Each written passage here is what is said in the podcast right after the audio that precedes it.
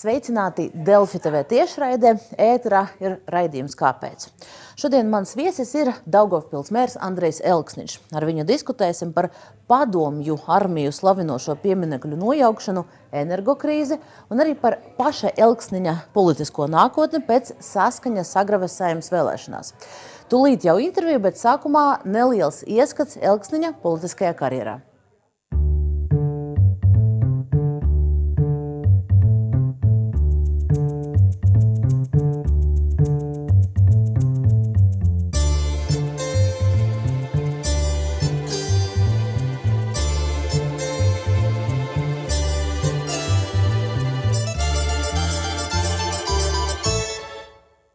Andrejs Elksniņš. Pirmo reizi kā saskaņas centra deputāts startējis Saimas ārkārtas vēlēšanas 2011. gadā un bijis ļoti aktīvs debatētājs.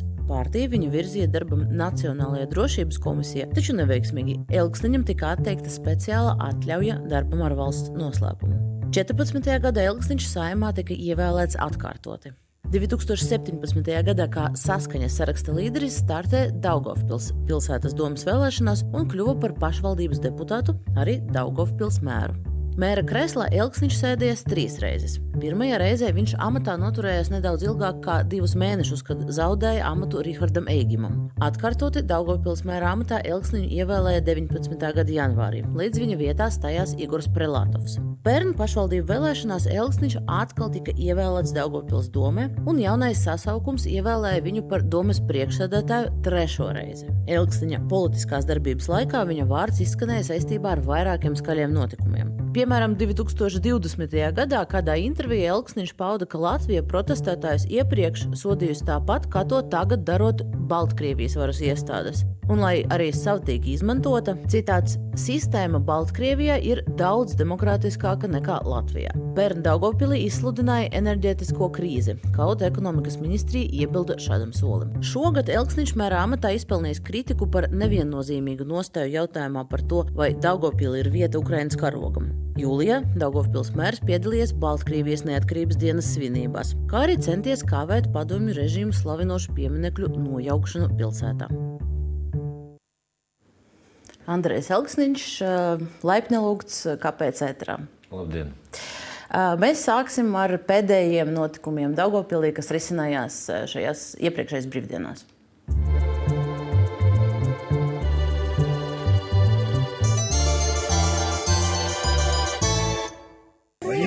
По-русски говорите!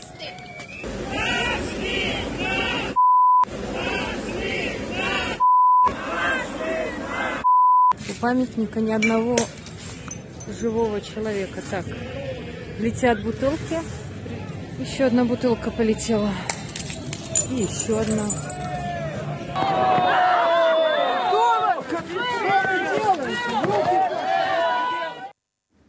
Tātad šādi izskatījās notikumi ap padomju armijai veltīto pieminekļu nojaukšanu Svetdienas naktī. Jūs bijat tas, kas aicinājāt cilvēkus nākt, atvadīties, un lūk, rezultātā pudeles lidojušās akmeņi, nu, daļu atbildības jūs esat gatavs uzņemties?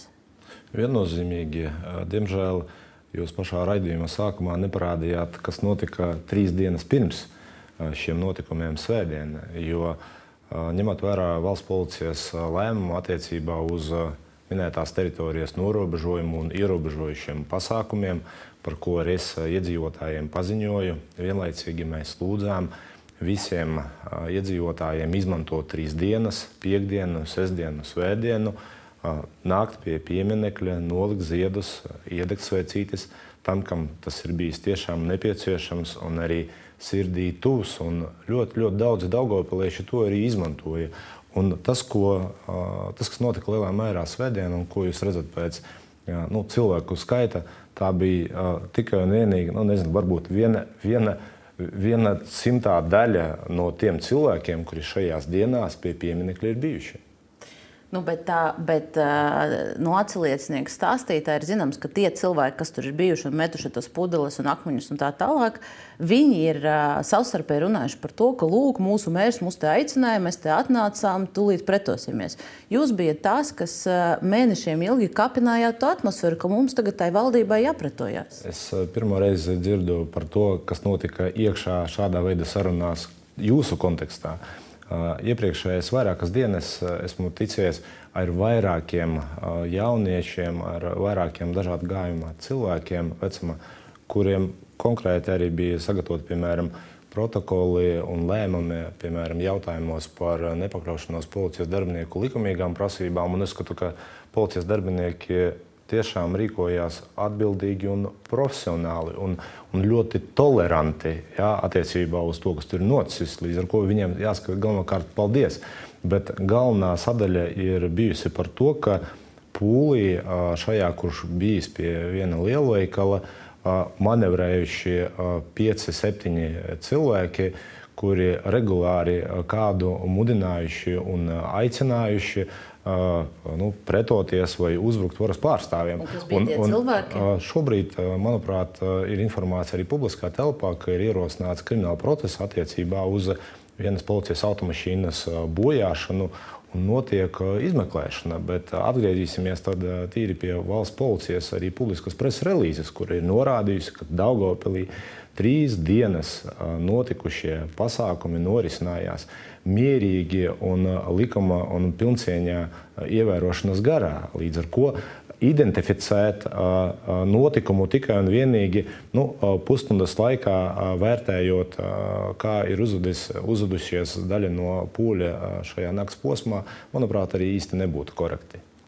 Bet uh, par tiem provokatoriem jūs tā arī neatbildējāt. Vai jums kaut kas ir zināms? Es atbildēšu, es atbildēšu ļoti vienkārši. Uh, nu, jūs ļoti labi parādījāt to teicienu, paš, pašulnā, jā, ko, ko arī protestētāji izlieguši. Nu, skatieties, pēc tā, kad valdības vairāki ministri. Pagaidiet, ne, to teicienu tie viņi klieguši ir policijai. Tieši, tieši tā, jā, tieši tas arī, es arī par to gribu parunāt. Pēc tā, kad vairāku mēnešu gadumā vairāku valdību pārs, vairāku ministrijas pārstāvi uz, uz maikām ar šādu uzrakstu ir gājuši publiski. Uh, uzstājušies, rādījuši robeža attiecībā uz to, kas ir cenzēts un kas ir necenzēts, absolūti tika svītrot. Man, protams, tas, tas, nav, tas nav pieņemami, bet ja mēs apskatāmies precīzāk, kas ir bijis tajā vietā, nu, un, un, es, un mēs, ne, ne par to īstais jautājums. Es, es atvainojos, bet mēs, es, mēs, es ļoti cītīgi novēroju arī ar tiesību sargājušajām iestādēm, kas tur ir bijis un kādā brīdī. Policija arī par to toleranti arī, arī attiecās. Policijas lielā mērā iesaiste tika veikta vienīgi tad, jau ar, ar uh, dienestu palīdzību izlīdinot to salot viņu divās daļās un izlīdinot tajā brīdī, kad sāka lidot pudeles un akmeņi. Nu, tas tiešām ir pārkāpums. Jā, ir, to neviens neapstrīd. Tas, ko es biju jautājis par provokatoriem, jūs tā, tā arī neatbildējāt, bet jautājums par to, vai Un jā, jūs sakat, ka tā ir neliela daļa no visiem, kas ir atnākuši pie pieminiekļa, kas agresīvi ir uzvedušies, bet tie cilvēki bija. Mēs nevaram no, ne, noliegt. Tie bija aptuveni 300 cilvēki. Tas arī nav maz Daugopilī. Tā. Tātad jautājums, vai ir jūsu atbildība par visu to retoriku, kas pēdējos nu, četros mēnešos, vismaz piecos, ir bijusi no jūsu puses, kur jūs pretnostatat Daugopili, Daugopils iedzīvotājs un valdību. Un, ja pasako jūsu sociālajiem tīkliem un izteikumiem, tad nu, tāda sajūta, ka lielāks bubulis ir valdība, saima, kas ir akceptējuši šos noteikumus, lai nojauktu pieminekļus padomju, nevis Putins, kas ir karu uzsācis. Labs jautājums, bet uh, atvainošos. Es arī atbildēšu, bet uh, viņš īsti nav korekts izskaidrojuši, kāpēc. Nu, Pirmām kārtām es atbildēju par to, kas notiek Daugopilī svētdien, par to, kas notiek Daugopilī sestdien, piekdien, šodien un uh, visu to laiku, kad uh, pildu domas priekšsēdētāja amata pienākumus. Viennozīmīgi tā arī ir mana atbildība. Un viennozīmīgi tajā laikā, kad tika pieņemts lēmums par ierobežojošu pasākumu veikšanu no svētdienas uz, uz pirmdienu, gluži loģiski, ka mēs par šo jautājumu diskutējām ar nu, patiesībā visām tiesību sargājošajām iestādēm, kuras atbild par šāda pasākuma norisi.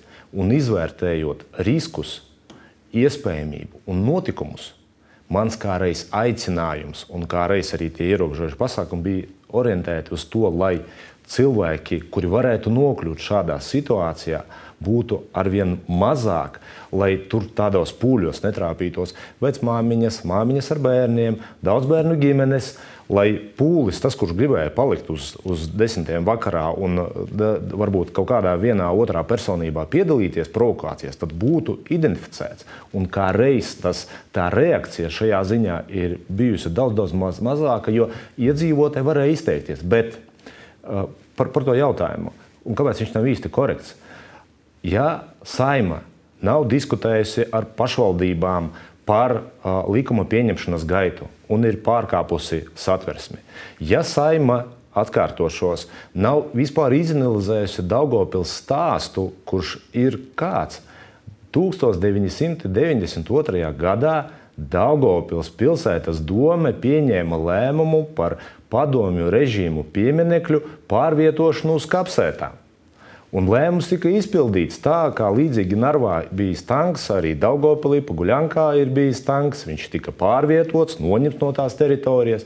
Mums bija uh, es, sim, sim, sim, jūs, simboliski jūs, krūšu, krūšu tēli un, jā, jā, un, un zvaigznes tika pārvietotas uz kapiem. Es, es, es jūs pārtraukšu, jūs to priekšvēsturi jūs ilgi varat stāstīt, jo nu, ekspertu lokus ir atzinis šo pieminekli par, jūs, par padomju armiju slavinošo. Tas bija jānojauc. Daugopils pilsētas doma uz doto brīdi jau četrus mēnešus atrodas satversmes tiesā. Ar lūgumu, ne tikai, tikai. Kāpēc ne? Izlasiet precīzi minēto pieteikumu un izlasiet precīzi, atvainojos, izlasiet, jūs uzdevat jautājumus, gribu atbildēt pilnīgi. Daugopils domes publiskā preses relīzē, Daugopils pilsētas domes pieteikumā satversmes tiesā ir norādīti argumenti par to, ka likums, kas tika pieņemts bez diskusijām, likums, kas tika pieņemts neievērojot iepriekš vēsturiskos Daugopils pilsētas domes lēmumus, likums tika pieņemts nevērtējot, kas konkrētajā objektā atrodas un kas ko slavina. Un, jā, ceturtajā punktā tur ir arī jautājums par finansēm. Un satversmes tiesa jums teica, satversmes, ir jāizpilda šobrīd likums. Un satversmes tiesa, satversmes uz, tiesa nav apturējusi nojaukšanu. Es tam piekrītu, un kā jurists es nevaru nerespektēt satversmes tiesas nolēmumu šajā jautājumā. Bet, Satversmes tiesā šobrīd ir pateikusi, ka līdz 26. novembrim jau pēc likuma izpildes viņa tad lems lietu uzsākt vai neuzsākt. Bet atkārtošos, saima šajā situācijā skrienot pa priekšu un mēģinot, nezinu, izrādīties ar pieminiektu nojaukšanu, absolūti nav bijusi pienācīgi, rūpīga, pienācīgi kvalitāte. Jūs visu jau izstāstījāt, jā, bet, bet, jā, bet, bet Ilgsņakungs, būtiskākais jautājums šobrīd ir uh, sekojošs.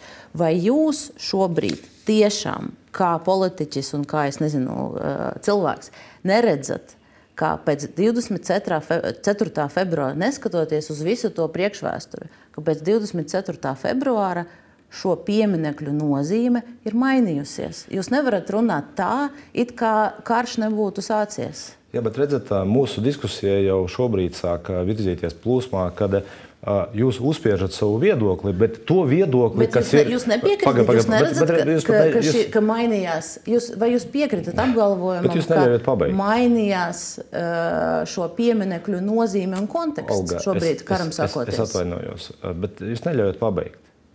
Iedzīvotāji, nē, es jau atbildēju uz vairākiem iepriekšējiem, uz, uz un, un, katru, un katru reizi nāk, nāk jauni un netiek Tā ir intervijas būtība, jā, ka nāk Daugopilī esošiem pieminekļiem, nē, nemainījās. Kāpēc?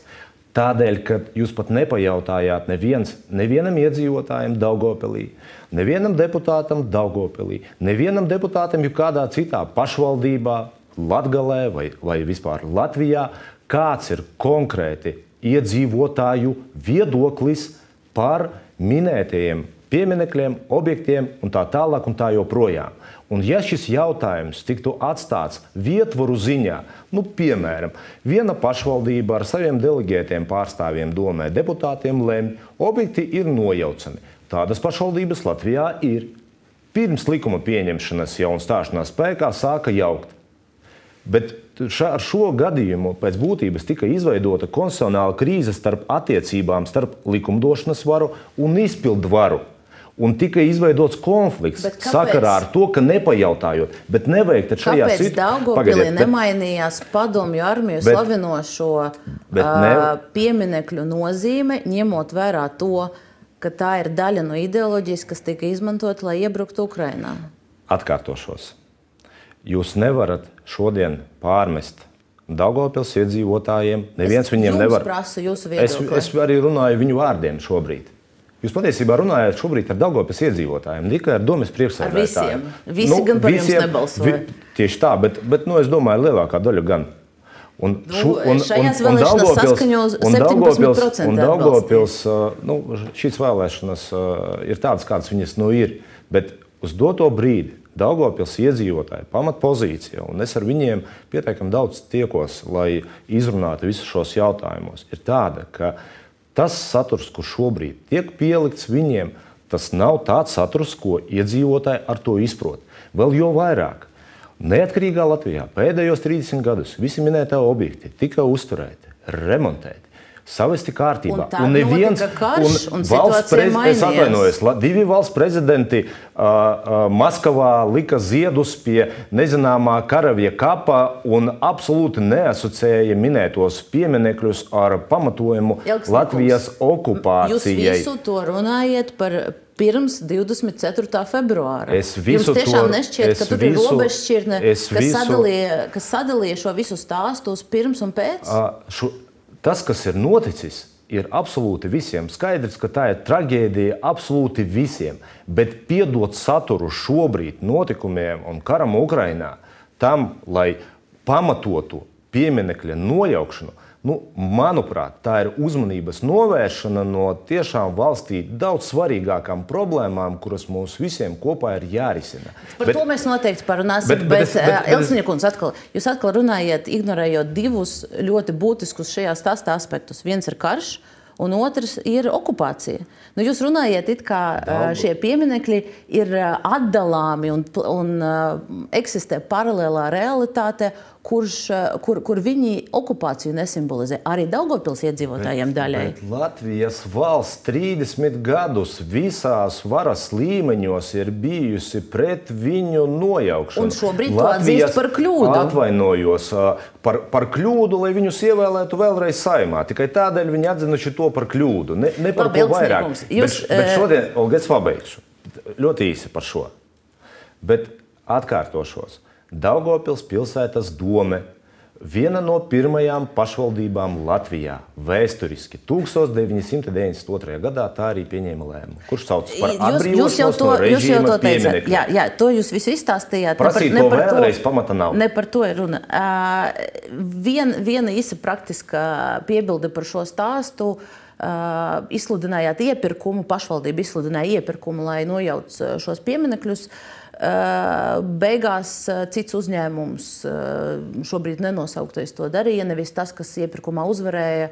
Kāpēc? Daugopils pilsētas doma satversmes tiesā arī ir jautājumā par finansējumu, par to, ka uzdodot pašvaldībai konkrētu deleģētu funkciju. Jautājums es, ir par es, uzņēmumu. Kāpēc, ne, es, kāpēc es, bija iepirkums, ir uzvarētājs, bet darbus veids cits? Olga, Visu jums Andrejs, cieņa. Nu, visu, visu jums cieņa. Bet uz šo jautājumu, es, es ne, ja jūs man ļausiet pabeigt, es pabeigšu, bet es viņu, uz viņu nevaru atbildēt ar vārdu jā vai nē. Satversmes uh, Daugopils pilsētas dome uh, ir īstenojusi iepirkumu attiecībā uz uh, minēto objektu demontēšanu, izpildot likuma prasības. Un, iepirkums ir bijis publisks, atklāts EIS sistēmā, lai nodrošinātu vienlīdzību, taisnīgumu, lai nebūtu nekādas divdomības, kādas ir bijušas Rīgā, kurš te atvainojas Lietuvietis ir jaucis. Uh, ir uh, kļuvuši zināmi publiski rezultāti. Un es kā domas priekšsēdētājs, mēs apsēdāmies ar finanšu departamenta vadītāju, ar, ar juristiem, ar citiem kolēģiem. Nu, mēs skatāmies 22. gada budžetu pašvaldības, kurš tika apstiprināts šogad janvārī. Uh, Un tur finansējuma šai sadaļai nav. Nu, tas ir pietiekami loģiski. Ja? Janvārī, ja jūs jau par februāru man runājat.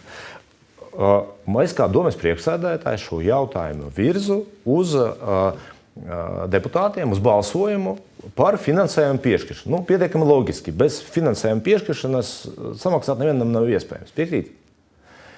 Saima, pieņemot likumu, ir radījusi nekvalitatīvu likumu, finansējumu neiedeva.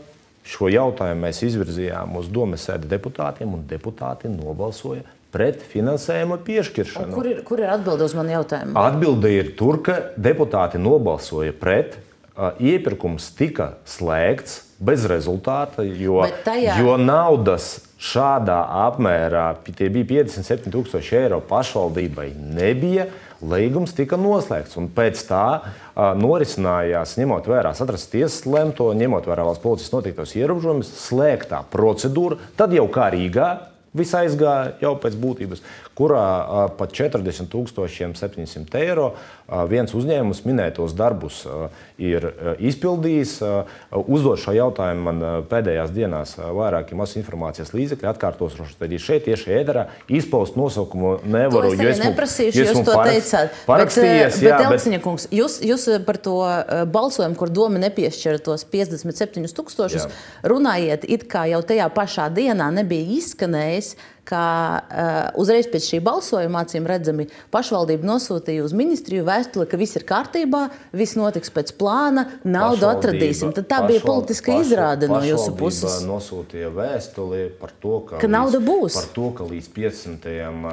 novembrim likuma prasības ir izpildāmas un prasība, pati, pašvaldība nu, nekad, nekad nerīkosies tieski nihilistiski, bet naudu atradīs. Un nauda šobrīd minētā, minēto prasību izpildījuma izpildē ir 50% valsts budžeta finansējums, otri 50%.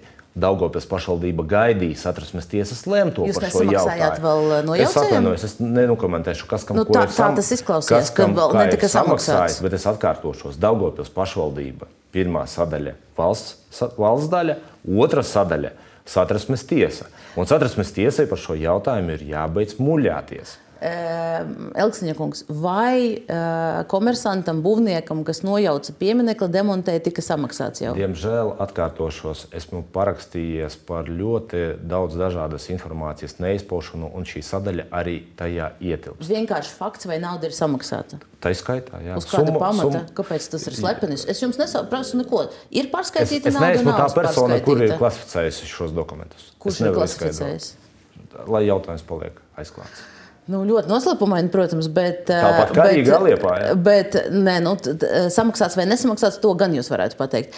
Šobrīd es atkārtošu, jūs no pašvaldības pirms... budžeta nav samaksāts ne cents. Ok, nav samaksāts, labi, sapratām. Paldies. Bet jūs ieplānojat, no kurienes, ja, ja nāksies maksāt, no kurienes jūs to ņemsiet? Jo pirms nojaukšanas jūs tur biedējāt ar to, ka tur kas tur tika pārtraukts, kādi pakalpojumi? Nē, nu, ir iegramatots jau, kur to nē, paņemt? Nekur absolūti nav iegramatots, bet uh, tas nav jautājums par biedēšanu. Mums ir bijusi ļoti ilglaicīga sarakstē ar varamu, no kādām pozīcijām, ja mums nav budžetā, tas ieplānots, no kādām pozīcijām tas varētu iet. Un varams tajā laikā, par ko arī bija īstenībā tracis, varams tajā laikā piedāvāja Daugopils pašvaldībai atteikties no brīvajām iniciatīvām. Kas tā tāda ir brīvā iniciatīva? Atsakieties no Bērnu vasaras nometnēm, piemēram. Viņi jums to neteica. Atve... Nē, nē, nē, neteica, ka, teica, no kā jāatsakās. Es atvainojos. Neteica. Pagaidiet. Nu, pagaidiet. Nu, pagaidiet. pagaidiet. Es, jūs precīzi pārbaudiet dokumentus. Es jums nosūtīšu konkrētu. Labi, pagaidiet, labi. pagaidiet, pagaidiet. Bet es turpināšu. Es turpināšu. Nē, Elksnikungs, mēs uh, ne, varam, varam atsūtīt, es jums par politisko. Varam, varam jums... atsūtīt konkrētu vēstuli, kur ir konkrēts kods ar konkrētu numuru, pašvaldības budžetā. Labi, un zem šiem vēstuli, visiem un, un, un, un, un atsūtiet tur 11 un atsūtiet 11. Labi, bet tad jūs nebijāt pārliecināti par, par savu argumentu. Par biju pārliecināta, bet es vienkārši gribu noslēgt šo, šo nu, labi, bet piedāvāja atteikties no ārstiem, labi, ka tošu programmām nu, daudz kā citā. Tā, tā nebija, bet uh, Olga, labi. Tā bija. Lai paliek.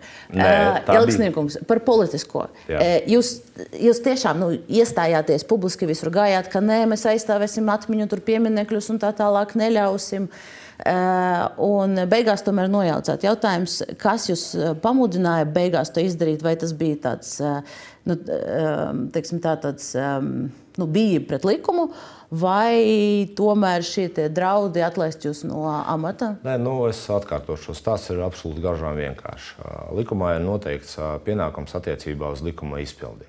Likuma izpildes termiņš ir 15. novembris. Nevienā brīdī Daugopils pašvaldība, doma, priekšsādētājs vai kaut kas cits nav teicis, ka viņš nepildīs likuma Bet tas prasības. izšķirošais pavērsiens tā ir bija viena- ap- ap izšķiroša- Saeimas izšķirošais- izšķirošais pavērsiens- ka- Izšķirošais pavērsiens ir satversmes tiesas lemtais, par ko jūs iepriekš precīzi norādījāt, ka satversmes tiesa lika izpildīt likuma prasības.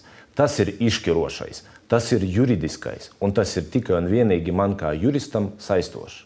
Tad uh, tam nav nekāda sakara ar, sa ar saskaņas sliktiem rezultātiem saimnes vēlēšanas un to, ka jūs ieraudziet, ka, ja gadījumā Daugopilī būtu ārkārtas vēlēšanas, jūs uh, visticamāk zaudētu un uzvarētu Rosļukova sabiedrotie. Ā, Tās ir absolūtas ā, muļķības, un es šobrīd ā, nebūšu. Es nezinu, laika ziņu redaktors vai kaut kas cits, lai šobrīd minētu, kas būtu vai, vai kā būtu. Bet atkārtošos, ā, varam ministrie un daudzi citi ir pietiekami precīzi definējuši savu pozīciju. Daugopilī objekti tiks demontēti ar ilgstiņu, bez ilgstiņa, un likuma prasības tiks izpildītas līdz 15. novembrim. Un izšķirošais, kā jūs precīzi pateicāt, ir bijis satversmes tiesas lemtais par šo jautājumu. Okay, labi. E, tad e, es, nu, es ļoti gribu ar jums runāt par, par jūsu un saskaņas politisko nākotni, bet pirms turpināt ar to, es to ideoloģisko. Teiksim tā, mūsu sarunas daļu gribētu noslēgt un e, atcerieties stāstu par, e, par šiem Ukraiņas karogiem. Tad e, karogs pie skolas, jūs bijat diezgan skeptisks. Un, Kāpēc bija skeptisks karogam pret skolu? Nu, jūs, jūs uzskatījāt, ka tomēr vajag to Daugopils karogu. Nē, es uzskatīju, ka nevajag publiski ņemt no Daugopils karogu, lai uzkarinātu Ukraiņas karogu. Ja skolas direktors vēlējās uzkarināt Ukraiņas karogu, tad viņam vajadzēja uzlikt jaunu mastu. Kā rezultātā tas arī ir noticis. Labi, labi, varam apskatīties vienu bildi. Uh, pašvaldības uh, ēka. Jā. Uh, varbūt kolēģi var parādīt, nu, Jā. masti te ir daudz. Jā. Ukraiņas karogas nav redzams. Kāpēc? Īst, īstenībā es varētu pielikt vēl citu bildi, kad tur visi ir vai nu vēl Latvijas, vai tikai Daugopils. Tāpēc, ka mēs esam Latvijā, mēs esam Daugopilī. Katrs var personīgi izvēlēties, kā pie kādas struktūra vienības vai iestādes kādu karogu karināt. Bet Jums, man, nešķiet, jums nešķiet svarīgi paust atbalstu Ukraiņai šobrīd? Man šķiet, ā, personīgi, kā cilvēkam, ā, kurus, kurš ir bijis dienestā, iekšlietu ministrijas struktūra vienībās, man šķiet, ka tie cilvēki, kuri šobrīd karogu karina vai ņem nost, absolūti neizprot šāda žesta nozīmīgumu. Nav jautājums par to, vai karogs ir vai nav. Svarīgi, kā tas notiek. Svarīga procedūra, kad, piemēram, karogu godam sveikt un kā tas notiek. Un šajā situācijā pakļauties Eiropas vieg- Savienības karogu, kas pie domas ir, jūs arī godam sveicat? Mēs esam Eiropas Savienībā. Mēs esam Eiropas Savienībā, mēs esam Latvijā, mēs esam šajā gadījumā konkrēti pašvaldībā Daugopilī. Un šie, un šie karogi atvainojas, Jautājums, atrodas, jautājums, vai mēs esam atrodas- Ukrainas pusē? Mē, Bet mēs neesam Ukrainā. Vai mēs esam Ukrainas pusē? Bet mēs neesam Ukrainā. Latvija ir šajā gadījumā Ukraiņas pusē. Vai mēs, jūs, jūs esat Ukrainas pusē? Ah, Daugopils viena no pirmajām pašvaldībām Latvijā, kur tajā laikā, kad ne uh, imigrācijas dienesti, ne vispār valsts uh, spēja nodrošināt kaut kādu palīdzību, Daugopils pašvaldība sūtīja autobusus. Uh, Pašvaldības autobusus uz, piemēram, Polijas, Ukrainas robežu, lai izvestu no turienes bērnus. Pirmie bērni no Ukrainas pamatā ir bijuši Daugopilī un Valmierā. Un teikt man par pusēm, nu, manuprāt, nav īsti korekti šobrīd. Jā, bet jūs uh, konsekventi izvairāties uh, verbalizēt un savu pozīciju. Bet, bet kādēļ jūs uzskatāt, ka jūs patstāvīgi nodarbosieties ar testēšanu un eksaminēšanu? Es par Kāpēc to jūs izvairāties no šī Mm, pagaidiet, jautājuma bet jūs atkal, bet jūs, mēnešus? Bet jūs atkal e, mēģināt eksaminēt. Es atkārtošos, esmu par Latviju, esmu par savu pilsētu, esmu par saviem iedzīvotājiem. Punkts. Kāpēc tik grūti jums pateikt, ka jūs esat Ukraiņas pusē? Kas tur slikts? Vē, vēlreiz, vēlreiz, jūs nodarbojaties ar eksaminēšanu, un nav jautājums ne par sliktu, ne par labu. Un tā nav laba praksa. Nē, Elksņakungs, jūs nodarbojaties ar balansēšanu, jo jūs zinat, ka, ja jūs šo pateiksiet, jums būs problēmas ar jūsu Nav- vēlētājiem. Vēlreiz, saviem vēlētājiem esmu pateicis daudz ko. Ar saviem vēlētājiem septembrī mēnesī esmu ticies vismaz 40 tikšanās ā, iedzīvotājiem pagalmos. Nu, jo vēlēšanas ir bijušas, jā, kopš Es vēlēšanām neka- es atvainojos, nē. Es nekandidēju, un es tiekos ar, ar iedzīvotājiem katru gadu. Un iedzīvotāju pieņemšanas man ir divas reizes mēnesī. Tāpēc nevajag šobrīd diskutēt par jautājumiem, par ko īstenībā, kas notiek Daugopilī, nav īsti skaidrs. Bet Daugopils ir un būs.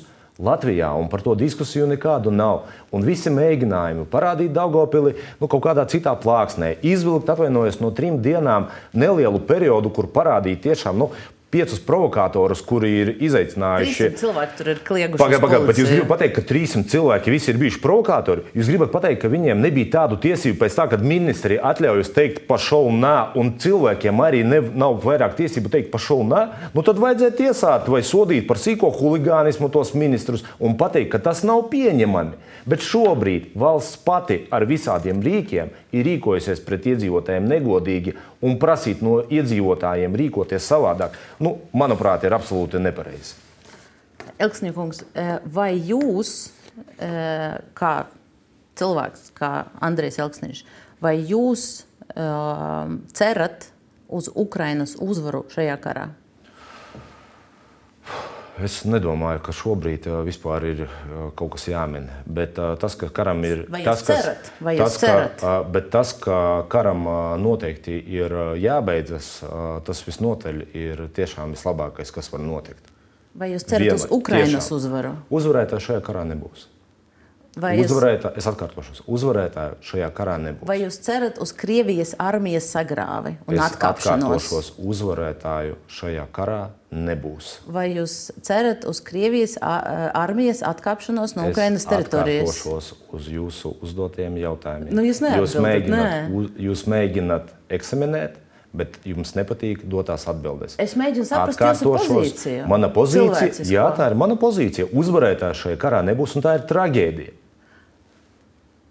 Vai Nu. jūs varat nosaukt agresoru šajā, šajā stāstā? Es atbildēju jau uz jūsu uzdotiem jautājumiem.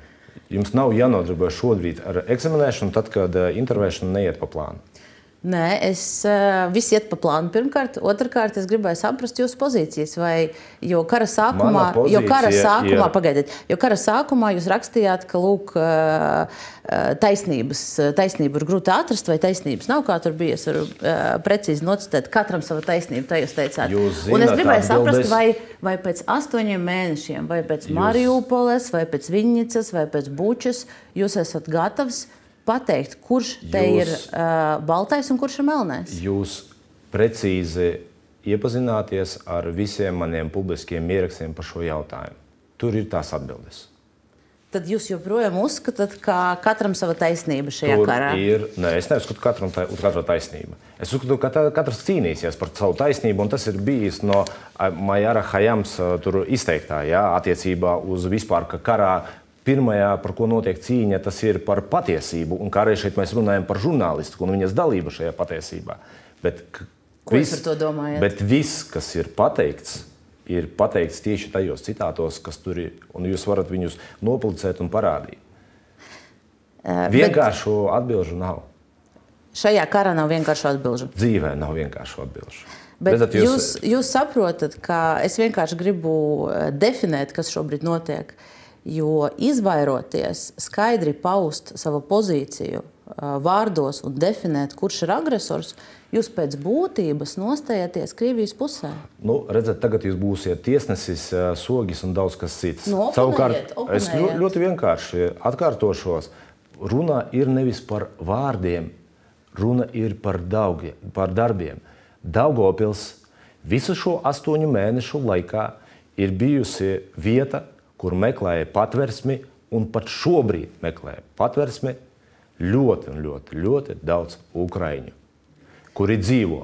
Un jā, mums ir arī Jums cilvēki, nu, arī cilvēki starp viņiem, ir, kuri ir arī no Donbasa un Luhanskas apgabala.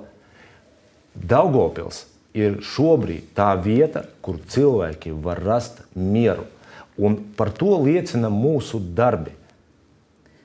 Kara laikā nosaukt lietas īstajos vārdos un nosaukt agresoru par agresoru ir tikpat svarīgi, cik darīt darbus. Jūs Ukrainā nepiekrītat? notiek karš, un tas ir skaidrs un pašsaprotams.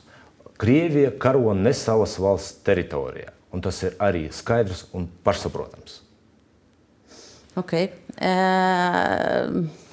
un Krima kam pieder? Es to jautājumu atbildēju vairākas reizes arī iepriekš. Un ko jūs iepriekš teicāt? Krima ir Krievijas federācijas sastāvā. Un tā tika likumīgi iekļauta.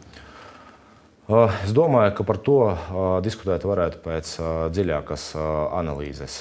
Protams, ir ļoti daudz diskusiju par to. Analīze jau ir notikusi. Neviena valsts normāli nav atzinusi šo pēc būtības okupāciju. Tieši tā, bet jūs nevarat nošķirt to, ka viņi ir tikusi inkorporēti Krievijas federācijas sastāvā. Tā ir viena lieta. Un otra lieta tam, ka visa Eiropa un visa pasaule pēc tā turpināja sadarboties ar Krieviju. Nu, to gan visi atzīst par kļūdu, bet eh, okay, šodien, redz, redz, šobrīd, šodien tāda, tāda atklāsme diena. Ja? Uh, vi, visi bija, visi draudzējās, visi kopā ietusēja, attīstījās, apbruņojās. Bet, bet nu, ziniet, tā ir kļūda, tāpēc, ka pēkšņi to vajadzēja pirms saimnes vēlēšanām. Tā, tā tas ir. Atklāsmju diena ir nevis šodien, bet 24. Uh, februārī. Atklāsmju, atklāsmju diena, manuprāt, ir jautājumā par darbiem, ir jautājumā par Latviju, ir jautājumā par Latvijas enerģētiku. Runāsim ir, ir, ir par, par problēmām, Jā. kuras ir mūsu iekšienē, un to patiesībā arī parāda vēlēšanu rezultāti. Kur saskaņa zaudē. Bet par to, par, par Ies, to vēl mazliet un, un, vēlāk. Un, un, manuprāt, tas ir labākais, kas varēja notikt. Es ļoti šobrīd. īsi gribu jums no, vienu citātu parādīt par notikumiem Bučā. Tad ir, ir sekojuši. Šaubas izraisa tas, ka viena puse ir pasludināta par vainīgu, un rietumu pasaules sabiedriskais viedoklis, piesaistot lielāko daļu masu mēdīju, pasludināja Krieviju par atbildīgo pusi, nedodot iespēju likt priekšā argumentus par pretējo. Tā ir linča tiesa, izreikināšanās. Ko jūs teiktu šim cilvēkam? Man īstenībā grūti nokomentēt, jo es šobrīd neredzu to citātu, kas autors un atbilstoši kādam kontekstam kā, tas ir dots. Kā, kāda ir nozīme autoram? Jo šis ir citāts, kur nu, pēc būtības tiek uh, noliegta Krievijas acīm redzama atbildība par buču slaktiņu. Par atbildību viss, kas ir noticis, ir atbildīga viennozīmīgi un Krievija, un Ukraina, un ASV. Un ASV šajā gadījumā visi, es atkārtošos, pagaidiet, pagaidiet, es atkār, pagaidiet, nevajag pagaidīt. Kā saka, no šīs nevajag, vietas ne, detalizētāk pagaidīt. Lūdzu. Par notikumiem un situāciju ir atbildīgi visi. Kā, un pirmām kārtām, atvainojos, es atvainojos, un pirmām kārtām diplomāti. Jo tad, kad diplomāti, es atkārtošos, Ukraina kādā jo tad, veidā? Kad, jo tad, kad diplomāti zaudē diplomātijā, tad pie rīcības nonāk uh, armija. Tā vienmēr ir bijis. Un šajā situācijā ir diplomātijas zaudējums, tas, kas tur ir noticis. Kādā veidā Ukraina ir vainīga? Es runāju šajā gadījumā par to, ka visi ir līdzatbildīgi tajā. Kādā, ko, ko tieši ar kādām tieši rīcībām Ukraina ir atbildīga? Es ļoti uh, detalizēti izklāstīju savu viedokli. Nē, šis, jūs varat detalizēt šo, to apskatīt. Labi, es vienkārši atzīmēšu, ka šodien jūs neatbildat, bet citāta autors gan bija Aleksijas Vasiljevs, jūsu vicemērs. Uh, tagad uz, uz, uzzinājis šo, nu, vai jums šķiet tā ir pieņemama rīcība no, un pieņemami izteikumi no, no Daugopils vicemēra. Saprotiet, nu, šis Olga, ir citāts no viņa. Jā, bet... Mēs varam apskatīties, tas ir no viņa publisk, publisks ieraksts. Jā, bet redzat, jūs paņēmāt, izra... es atvainojos, bet jūs pa, pa, pa, piekrītat, jūs šobrīd izrāvāt vienu teikumu no uh, vesela tā teikt uh, vārstījuma. Nu, ko jūs gribat, lai es nokomentētu? Tāpēc es arī norādu, ka jūs ņemat un izgriežat atsevišķas pozīcijas un mēģināt viņas likt priekšā. Bet, bet nav te, Tas nu, ir precīzs viss... citāts, kur tiek noliegta Krievijas atbildība par buču cilvēks slaktiņu. ir iztērējis tik daudz laika un uzrakstījis tik plašu tekstu, un tad tomēr tad varbūt kontekstu. Jūs, jūs taču satversmi šobrīd nelasat tikai lasot pantus konkrētus. Jūs taču satversmi šodien lasat arī Satversmi. izlasot preambulu. Elksniegus, kādā kontekstā šāda frāze ir jāieliek, lai tai, tai būtu attaisnojama? Man grūti ir saprast, tāpēc būtu jāizlasa viss. Okay, labi, nu tad izlasiet un parunājiet nu, kāpēc, ar viņu. Bet, ja jūs interesē mani atbildēt šo jautājumu, es varu šobrīd visu izlasīt, visu viņu tekstu, un tad mēs varam izanalizēt no A līdz Z. Labi, to, to tad eh, vēlāk varbūt. Anu, ētera, ētera laiks mums, diemžēl, šo neļauj. Man eh, šķita, ka ar šo citātu pietiek. Bet tad ir nepieciešams tikai atbildes uz pareiziem jautājumiem. Labi, e, nē, šis bija, šis bija adekvāts jautājums. Jūs izvēlējāties stratēģiju, kā neatbildēt. Nē, manu, stratēģiju, manuprāt, jūs uzdevāt jautājumu, izravāt no konteksta vienu teikumu, prast, ko tu par to domāji, un vēl sākumā uzmini, kas to ir pateicis. Un, un beigās izrādās, ka, ka, ka ir vesels sacerējums. Labi, ok. Jautājums par citu jūsu kolēģi Mihails Lavrenovs no Saskaņas, no jūsu pašu partijas. Mēs varam apskatīties viņa profila informāciju. Šādi viņš izskatās, un viņam ir arī sociālai tīkli. Tātad kolekcionē Staļina figūriņas, Kremļa propaganda izplata publiski attaisno Molotova-Ribbentropa paktu. Raksta par to, ka Staļins esot bijis labs Varšavai, jo uzcelis tur ēku.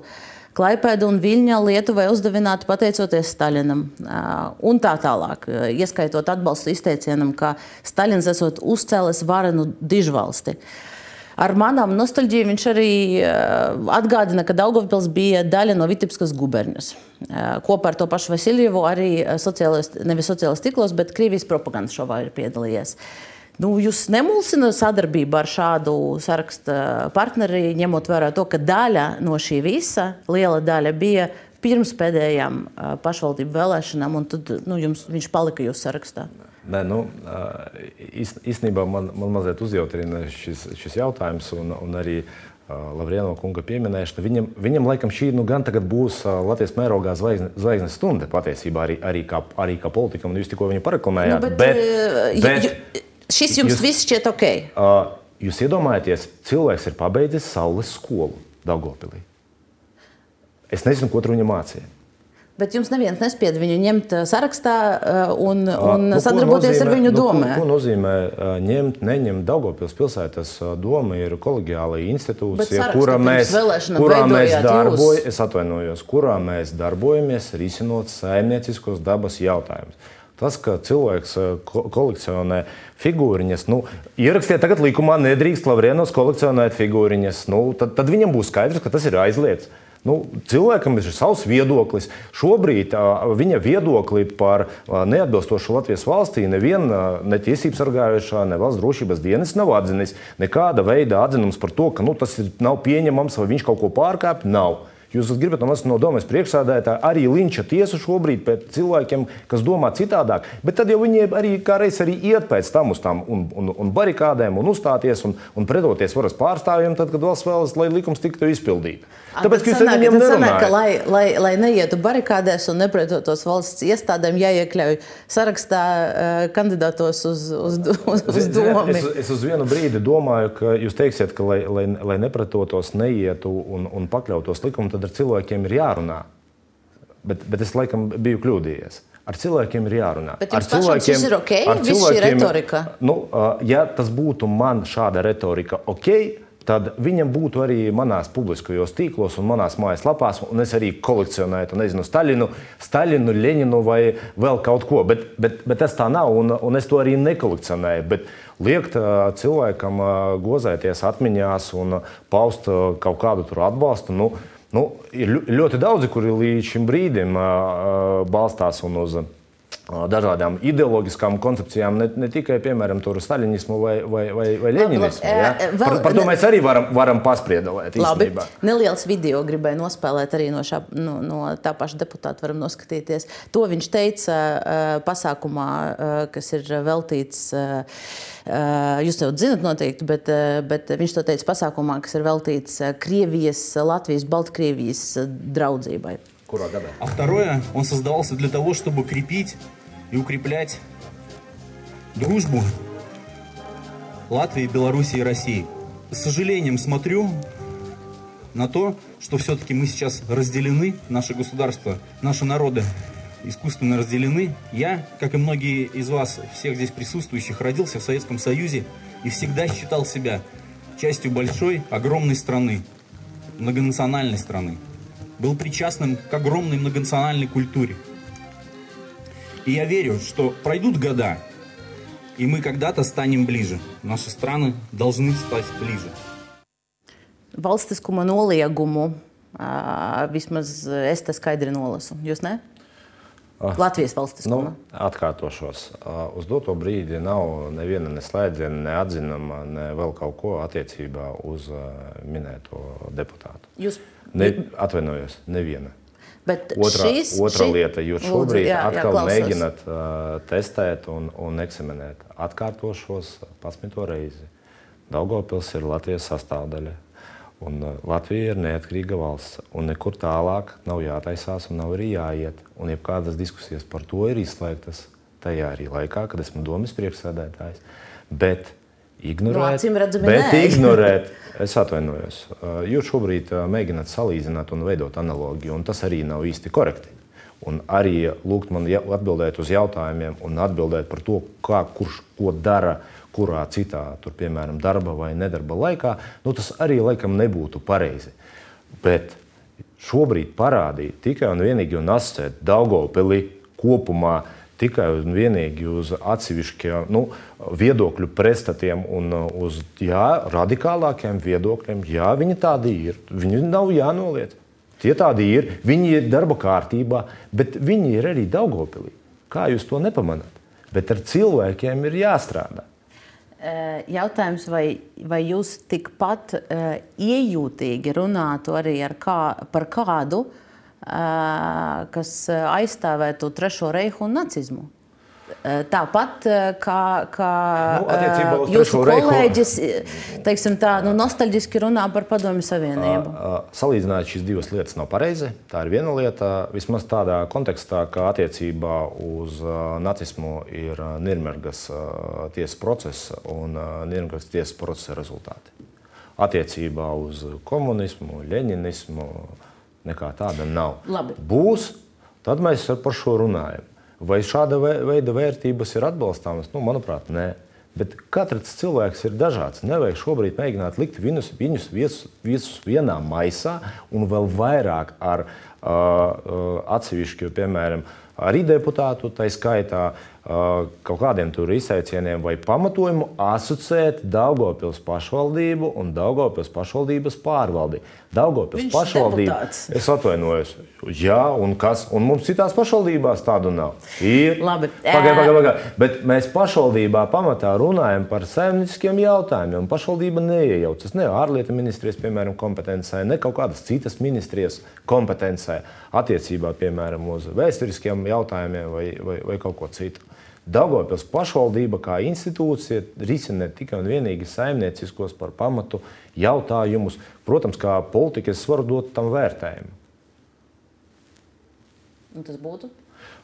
Šāda veida publikāciju, piemēram, manā dzīves griezumā nav. Uh, labi, un par jūsu, par jūsu dzīves griezumu, nākotnes perspektīvā un saskaņas nākotnē arī tūlīt parunāsim.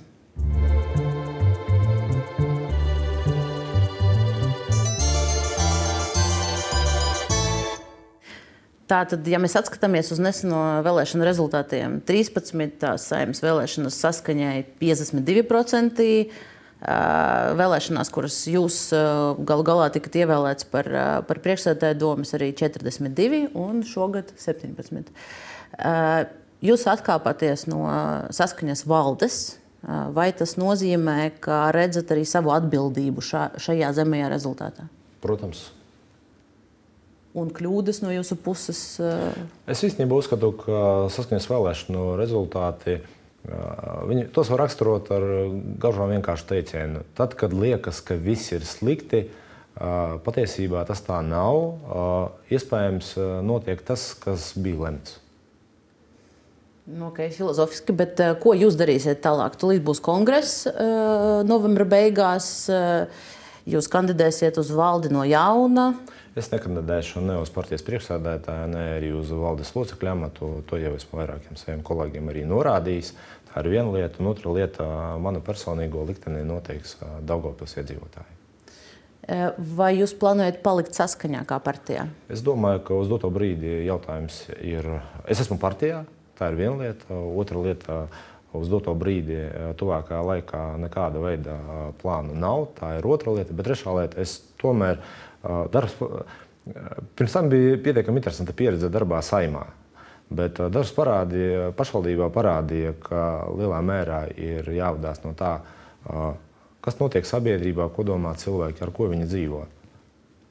Un tieši šajā gadījumā arī šo jautājumu izlems Daugopils iedzīvotāji. Ko, tas nozīmē? Tā skaitā arī noteiks, kādā formātā un kur mēs darbosimies. Ja saskaņa mainīsies, ja saskaņā būs jauns, spēcīgs, talantīgs līderis.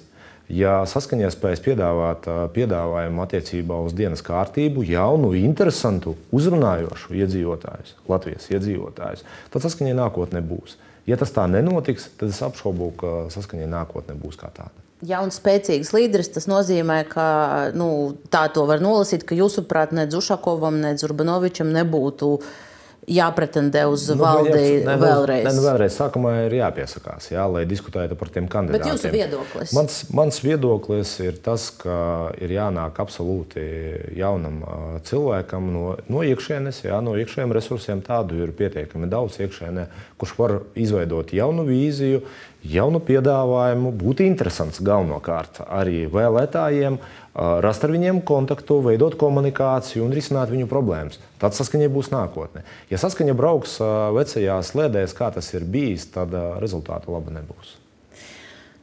Un to jūs varēsiet pateikt pēc šī kongresa?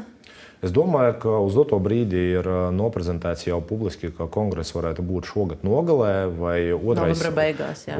vai otrais risinājums ir arī piemēram nākošā gada, nākošā gada sākumā.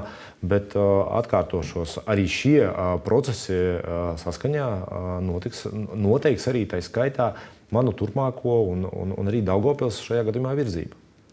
Bet, eh, ja, ja ir kongress, eh, jūs tad analizējat, ka nekas tur īsti nemainās, eh, valdē paliek visi tie paši, tad, tad jūs iesiet prom. Tad, tad jūs izstāstīsiet. Es pateikšu, ko es darīšu. Nu, neoficiāli jau virmo informācija par to, ka jūs iespējams vēlētos savu partiju dibināt.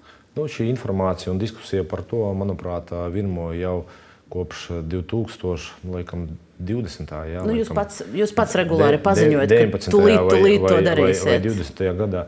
Jā, tiešām iedzīvotāji šajā gadījumā domās, ko viņi darīs. Lūdzu, atšifrējiet. Šis ir Katrs, ļoti, šis ne, nu, ir ļoti vēlreiz, maksimāli lai...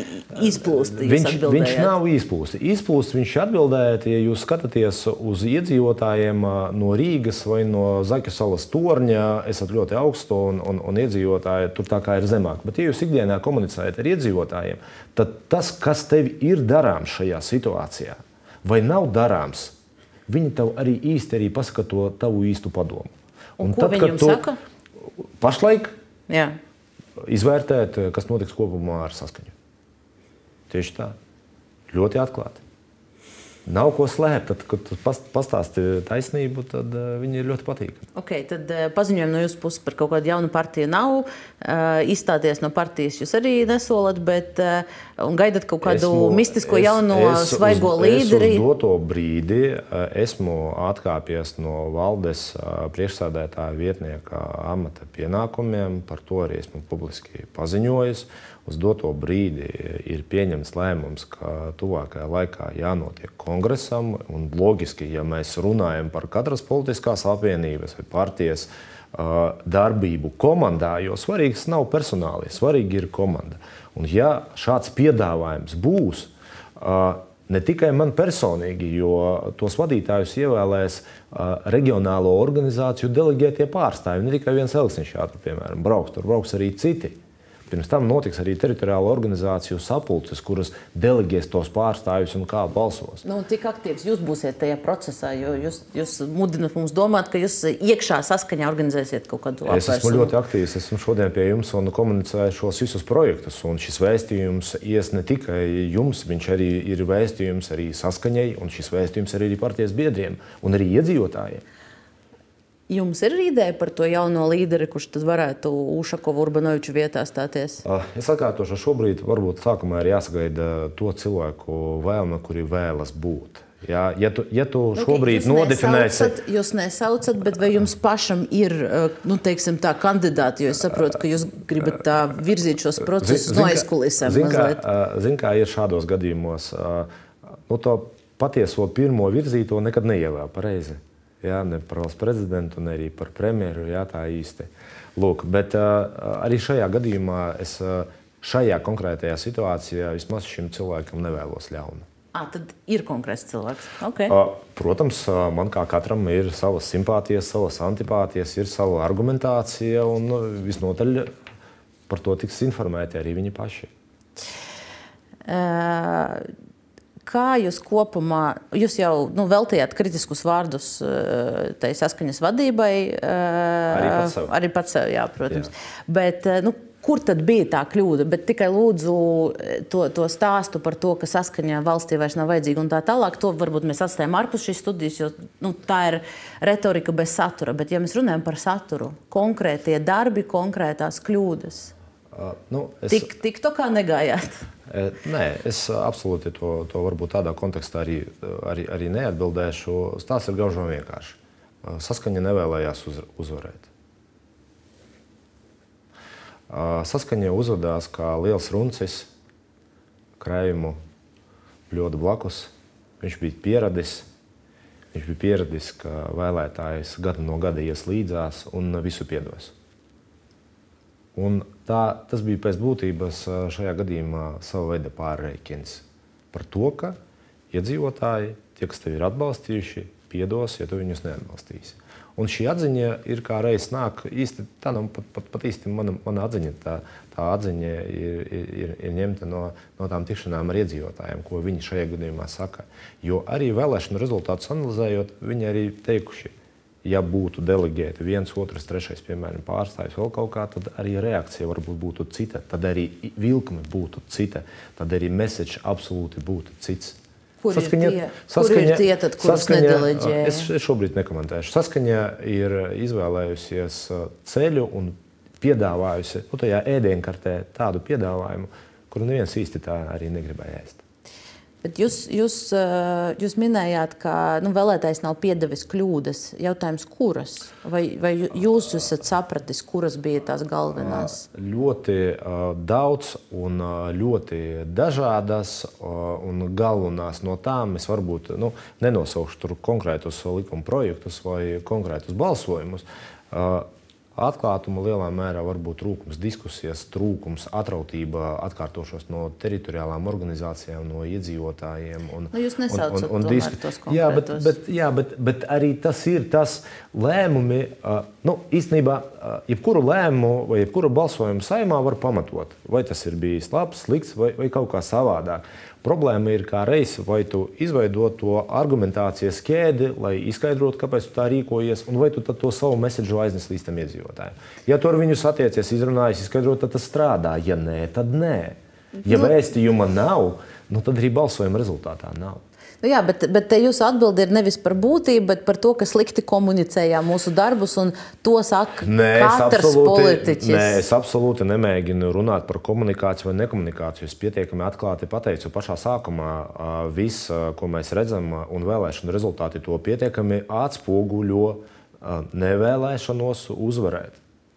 Eh, jūs minējāt, ka nevirzīja tos, tos pareizos eh, cilvēkus, kas varētu tautu uzrunāt. Tad ar to jūs pasakāt, ka, piemēram, Zariņa kungs nu, bija eh, Ivars neveiksmīgs labs. kā premjerā amata kandidāts. Ivars, Ivars ir ļoti labs speciālists un ļoti labs arī cilvēks, lielā mērā profesionālis, kurš īstenībā tas saimnes deputāts, kurš apsolīja, ka uh,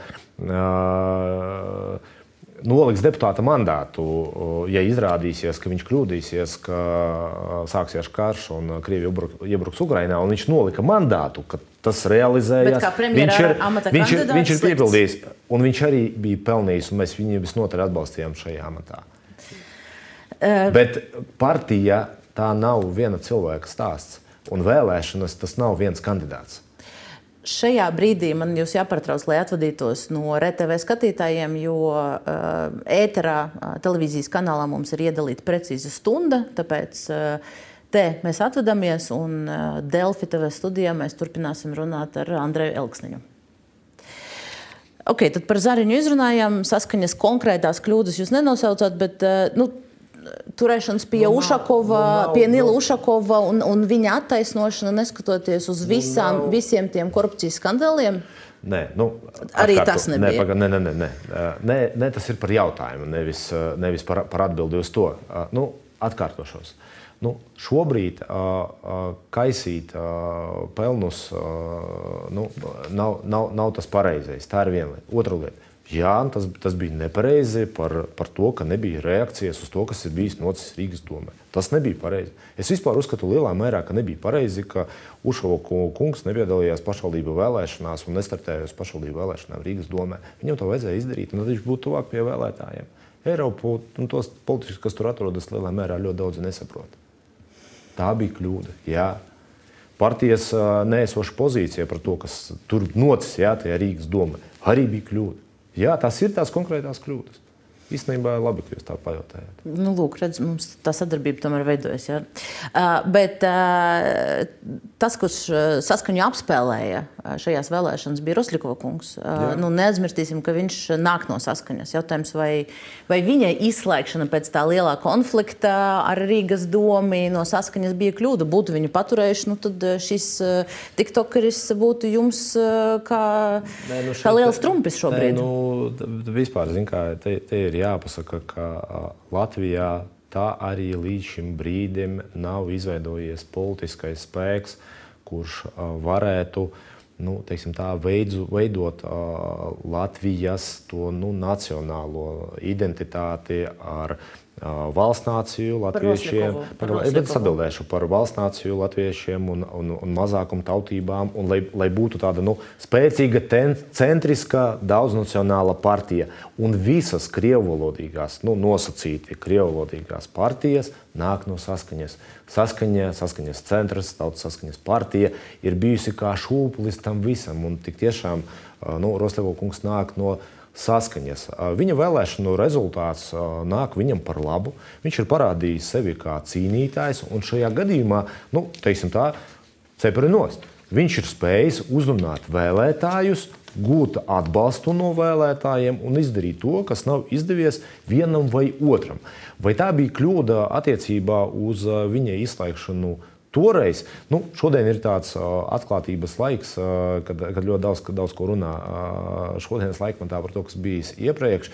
Manuprāt, saskaņas, saskaņas pieļāvuši vairākas kļūdas ilgtermiņā, gan attiecībā uz da, dažādu nu, kā, vieslektoru uzaicināšanu, lai, lai parādītu to, nu, ka mēs esam super smuki un super skaiti, gan arī attiecībā uz viņu izslēgšanu. Un tas arī attiecas arī uz Aleksu šajā gadījumā. Bet e, šajā, šajā, šajā sadaļā e, mēs tulīt runāsim arī par energokrīzi, e, bet šajā sadaļā es gribēju vēl saprast, nu, stabilitātei apsteidza diezgan nopietni saskaņu šajās vēlēšanas kopumā un Daugopilī arī. Nu, redzot jūsu vēlētāju, kas Roslikovam ir, kas nebija jums un uh, uh, Regīna Ločmila, kur, kur jūs kopā tur staigājat pa tiem pagalmiem un mēģinājat aģitēt?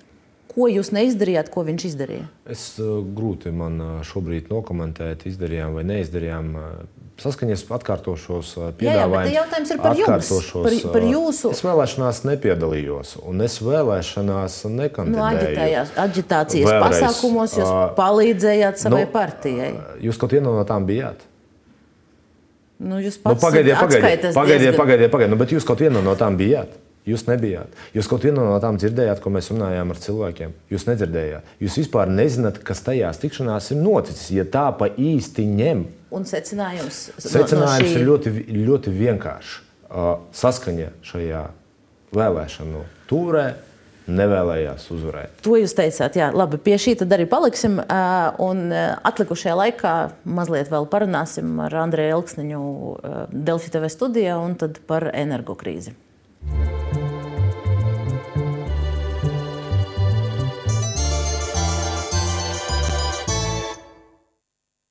2021. gada nogales eh, jūs mēģināt panākt, ka, lai ekonomikas ministrija piekristu tātad, eh, energokrīzes izsludināšanai.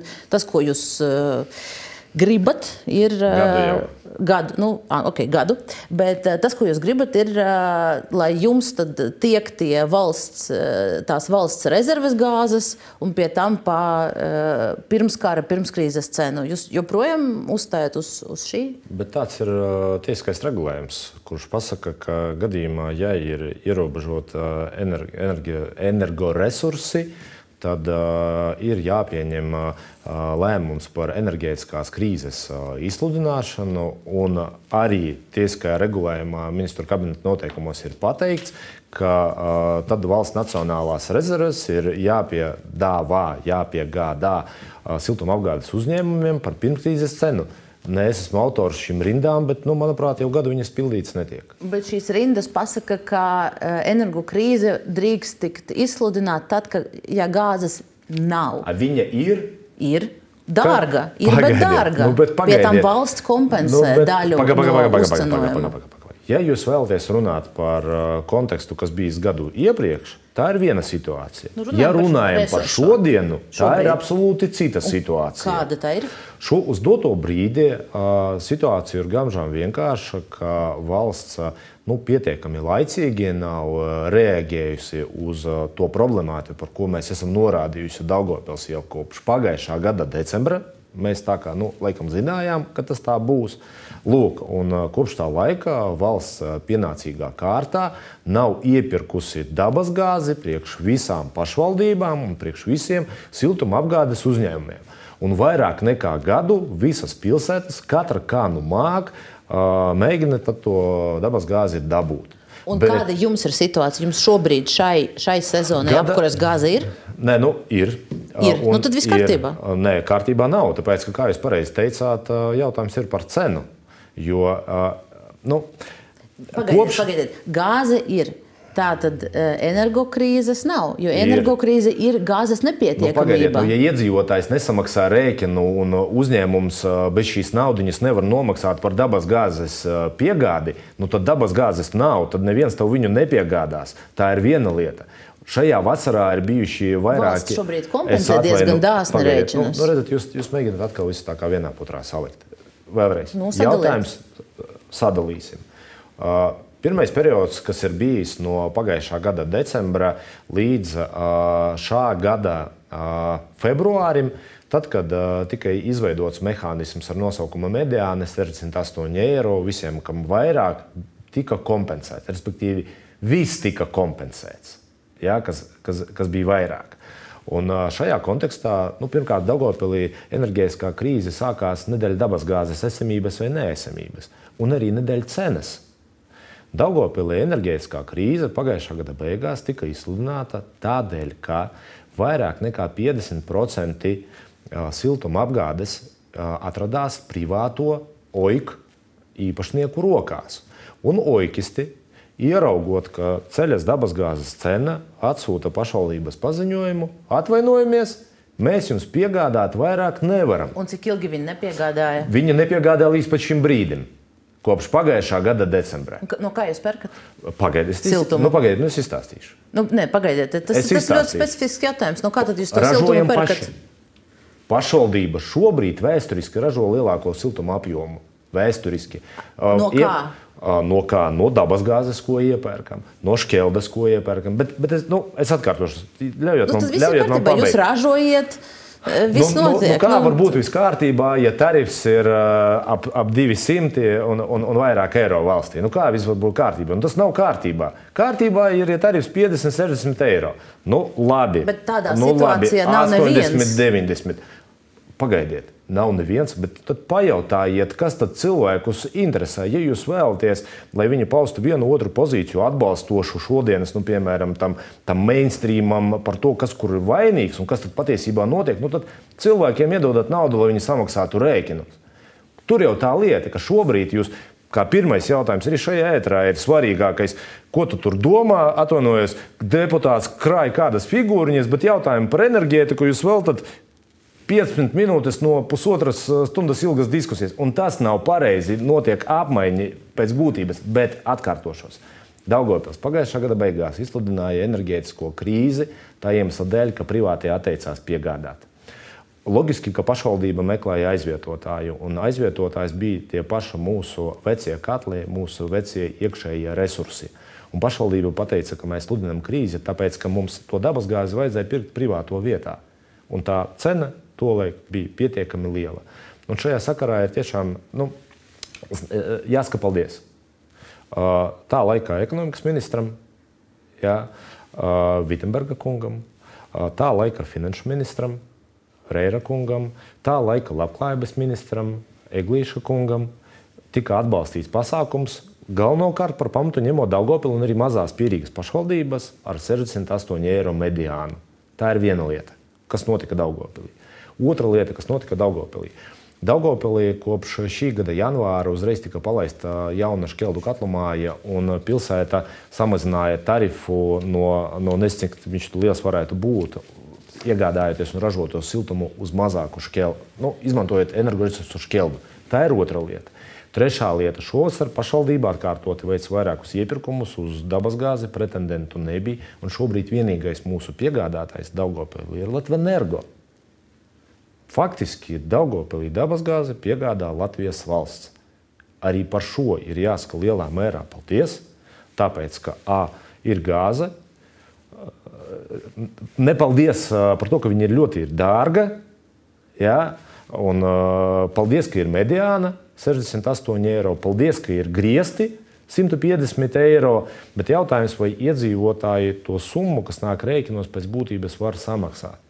Un Daugopelī un arī uz citām pašvaldībām šobrīd pēc ekonomiskās situācijas. Nu, Tarifi šobrīd ar grieztiem faktiski iedzīvotājiem vidēji būs Daugopilī ap 110-150 eiro nu, pie reālā tarifa, piemēram, 100, 180. Bet jautājums, vai iedzīvotāji, kuri līdz šim maksāja tur, nu, nosīti pusotru, divu eiro par vienu kvadrātmetru, varēja samaksāt šobrīd par vienu kvadrātmetru, piemēram, četrus. Iedzīvotāju atbi, atbalstīšana ir, ir jūsu pašvaldības funkcija. Oh. Un tas, ko jūs mēģināt darīt, ir pārvelt to, to atbildību uz valsti. Lūk, viņi tur ir vainīgi, paldies viņiem, bet viņi ir vainīgi. Nu, nu, un, nu, re, un... nu, nu, redzat, jūs nepietiekami zināt, zināt, kas notiek ar iedzīvotājiem ienākuma nodokļa pārdali. Visus pēdējos gadus iedzīvotāja ienākuma nodoklis no pašvaldībām tika samazināts. Bet, bet atkārtošu, šobrīd A, strādā mediāna, un šajā ziņā darbs ir padarīts no valsts puses. To nevar noliegt. Ir kompensēšanas mehānisms, ir griezti, darbs ir padarīts. Šobrīd ir programma, kurā pašvaldības ir apstiprināti vairāk nekā 72 projekti ar CFLA attiecībā uz finansiālo ieguldījumu. Un par to arī paldies uz doto brīdi, kas tika izstrādāts Daugopelī uz doto brīdi. Enerģētiskā. Nu, kārtībā nav, jo ir liels tarifs. Mēs kā pašvaldība, jūs, jūs sākāt skaitīt iedzīvotāju naudu, un es jums pateikšu, mēs burtiski pāris mēnešus iepriekš, iepriekš ieguldījām 1 miljonu eiro Daugopils siltumtīkla pamata kapitālā, lai izdarītu ko? Lai diferencētu, aizietu projām no dabasgāzes un lai izmantotu ar decembra vidu, maksimums janvāri spēkstacijās propānu un butānu. Atsevišķajās pozīcijās mēs šobrīd izmantojam dīzeli, jo viņš ir lētāks. Ja gadu atpakaļ Daugopilī enerģētika bija 90%, 95% dabasgāze un 5% granulas, tad šobrīd Daugopilī dabasgāze ir tikai 40%. 40. Škelde ir ap 45, 50%, un tālāk šobrīd ir dīzeļdegviela. Tad šobrīd mēs atejam projām no tās dabasgāzes. Mēs šobrīd būvējam vēl vienu staciju Škeldas, lai samazinātu Bet to, un, un, un arī propānu. Pat uz nākamo, pat uz nākamo apkura sezonu nebūs gatava visticamāk, un to publiski teica Daugavpils siltumtīklu izpildirektora raidījumā de facto. Es jums tagad izstāstīšu. Daugopils šobrīd no visām pašvaldībām ir vienīgā pašvaldība, kurā ir būvniecības procesa aktīvajā stadijā. Tāpēc, ka citiem tāpēc, jau agrāk viss ir pabeigts. Nē, tāpēc, ka nu, tas, ka Daugopils vēsturiski sēdēs uz dabasgāzes adetas ar privātajiem muļķistiem un pilsēta pēc būtības siltumtīkli tika izpārdoti no iepriekšējo priekšsēdētāju rīcības vadmatībā. Tas nu, gan ir fakts. Bet uz doto brīdi Daugopilī pēdējo nu, divu gadu laikā ir lielākie ieguldījumi siltumtīklu infrastruktūrā, lai pilsētai būtu absolūti sava enerģētiskā sistēma un sevi, sevi, sevi ražotāji. Un tas, kas šobrīd notiek, pilsēta diferencē energoresursus, lai izmantotu mazāk šajā gadījumā dabas gāzi. Jautājums, kas jums notiek ar siltināšanu? Jo pēdējā gada laikā, eh, vai jūs varat, nu, varbūt jūs varat pateikt, cik bija tie, tie, tās mājas, kuras pieteica siltināšanai gan privātmājas, gan no pašvaldības? Uh, siltināšana ir ļoti liela problēma attiecībā cik, uz iedzīvotājiem. Es zinu, jā, cik, nu, cik? es arī pateikšu. Uz doto brīdi ir aizgājusi pēdējā gala noslēguma projekta sadaļā viena māja ar simts dzīvokļiem šaurā ielā Daugopilī, kurā pašvaldība viena arī. Māja. Tieši tā, viena māja šobrīd. Un tas nu, ir, tas tas ir tieši tā tas nav pietiekams. Nu, ko jūs darāt? Kas, vai tas, tur ir jūsu atbildība un ko jūs un, darat? Un tas ir ļoti slikti. Pašvaldībā uz doto brīdi darbojas vairākas līdzfinansējuma programmas, kuru pašvaldība atbalsta atsevišķu mājas mezglu līdzfinansējumu un finansējumu piešķiršanu, lai tur tas tā notiku. Un šobrīd tas, ko mēs gaidām, ir lielā mērā jaunu periodu attiecībā no Altuma kad uh, varēs vienlaicīgi iedzīvotāji pieteikties. Bet, ja iedzīvotājiem nav ar ko samaksāt par apkuri, ja iedzīvotājiem nav ar ko samaksāt par pārtikas produktiem un veselību, tad prasīt no viņiem šajā gadījumā nu, vēl līdzfinansēt savu mājokļu uzlabošanu, ir arī tiešām nu, sava veida grūts darbs. Viņš nav nepaveicams. Tādēļ mēs arī tiekamies ar iedzīvotājiem pamatā, runājot, ka būs problēmas, būs lieli rēķini, beidzot iet uz siltināšanu. Tas, ka Daugopilī vēsturiski arī rēķini ir bijuši nu, 40-45 eiro par megawatu stundu, šodien pēc būtības atkarībā no dabasgāzes, jā, kas tika piedāvāta tālāk, šoreiz arī mēs visi maksājam par to par, par tiem lētiem rēķiniem arī iepriekš. Nu, jautājums ir, vai jūs eh, pats darījāt pietiekoši daudz eh, visos tajos termiņos, kad jūs bijat pašvaldības vadītājs, eh, lai aizietu, jo, lai aizietu no dabas gāzes, jo šis te, varbūt nu, ne visi skatītāji zina, bet šis te pirmais šķeldas katls, kas, kas, tika, kas, palaists. kas, kas tika palaists, bet tam bija jābūt palaistam 20. gada beigās. Rezultātā tas ir sācis strādāt tikai, tikai šogad. Uh, Nu, tad, tad, un, un daļu no šī, šī laika jūs bijat mērā amatā? Nu, pirmkārt, es biju tas domas priekšsēdētājs, kuru laikā parakstīja līgumu par būvniecību. Tā ir viena lieta. Pie tās situācijas, nu, pie... kad, pie tās situācijas, kad Daugopils pilsētas domē apvērsumi, kā reiz ir bijuši saistīti ar to, ka parādoties šķeldas jaunām katlu mājām, oikistiem tarifs plūk uz leju un viņiem nav izdevīgi. Tā ir viena lieta. Un kas notika otra, pie, otra, pie šīs ķeltas katra būvniecības uh, interešu konflikts? Tieši tā. Problēma iepirkumā tā, un rezultātā pilsētē atņēma finansējumu. Tieši tā, un man ir ļoti žēl, ka domas vadība, kuri sekoja pēc manas atstādināšanas, to pieļāva un absolūti ignorēja. Un es esmu priecīgs par to, ka mēs atgriezām šajā domas sasaukumā jau gada laikā no tiem iepriekš zaudētiem 5 miljoniem, 4 miljonus, kuri tika piešķirti šobrīd ar Ceflas lēmumu jaunajam projektam. Un tā vispār aktivitāte, es jums atklāšu mazu noslēpumu, ir balstīta uz tiem Daugopils līdzekļiem, kad Daugopils parakstīja vienošanos manā jau laikā, jau šajā jaunākajos laikos par jebkāda veida strīdu un tiesvedību izbeigšanos starp Daugopils pašvaldību, Daugopils siltumtīkliem un Centrālo finanšu līgumu aģentūru. Kad mēs kā deputāti nobalsojām, ka mēs, mums ir jāizbeidz tie, tas sadarītais sliktais darbs un jāiet ar jaunu sparu pilsētas enerģētiskās neatkarības stiprināšanā, ko mēs arī paveicām. Un šobrīd tas, ko es daru, un mans galvenais pienākums ir izbūvēt pilsētā savu neatkarīgu, efektīvu siltumapgādes sektoru. Un tas tiek darīts. Un mēs to redzēsim un vērtēsim. Jūs jau šobrīd to varat redzēt. Bet, eh, Ilgsniņkungs, viena neliela piebilde. Eh, es zinu, ka skatītājiem tas var šķiet ļoti detalizēti, bet tas ir diezgan svarīgi, jo liels skandāls ap, ap, ap to būvniecību, tās eh, šķeltas katlamājas būvniecību, bija saistīts ar to, ka iepirkuma procedūrā bija iesaistīts tātad eksperts, kurš pēc būtības vērtē piedāvājums un novērtē piedāvājumu uzņēmumam kurā pats arī strādā. Uh, nu, lieki piebilst, ka visticamāk uh, var, var, pieļaut, var, var pieļaut, ka nu, šī ir tikai skrūvīte. Tā, Projektēšanas ir... pamati šī eksperta dalībai tika pieņemti 2015. gadā, kad tika sagatavots minētais projekta uzdevums. Jā, bet uh, viena no valdes uh, locekļiem, kas bija visu šo laiku. Jā. Uh, Daugopils siltum, siltumtīklos, tagad ir izpildu direktora uzņēmumā? Nē, tajā laikā viņa nebija valdes locekle.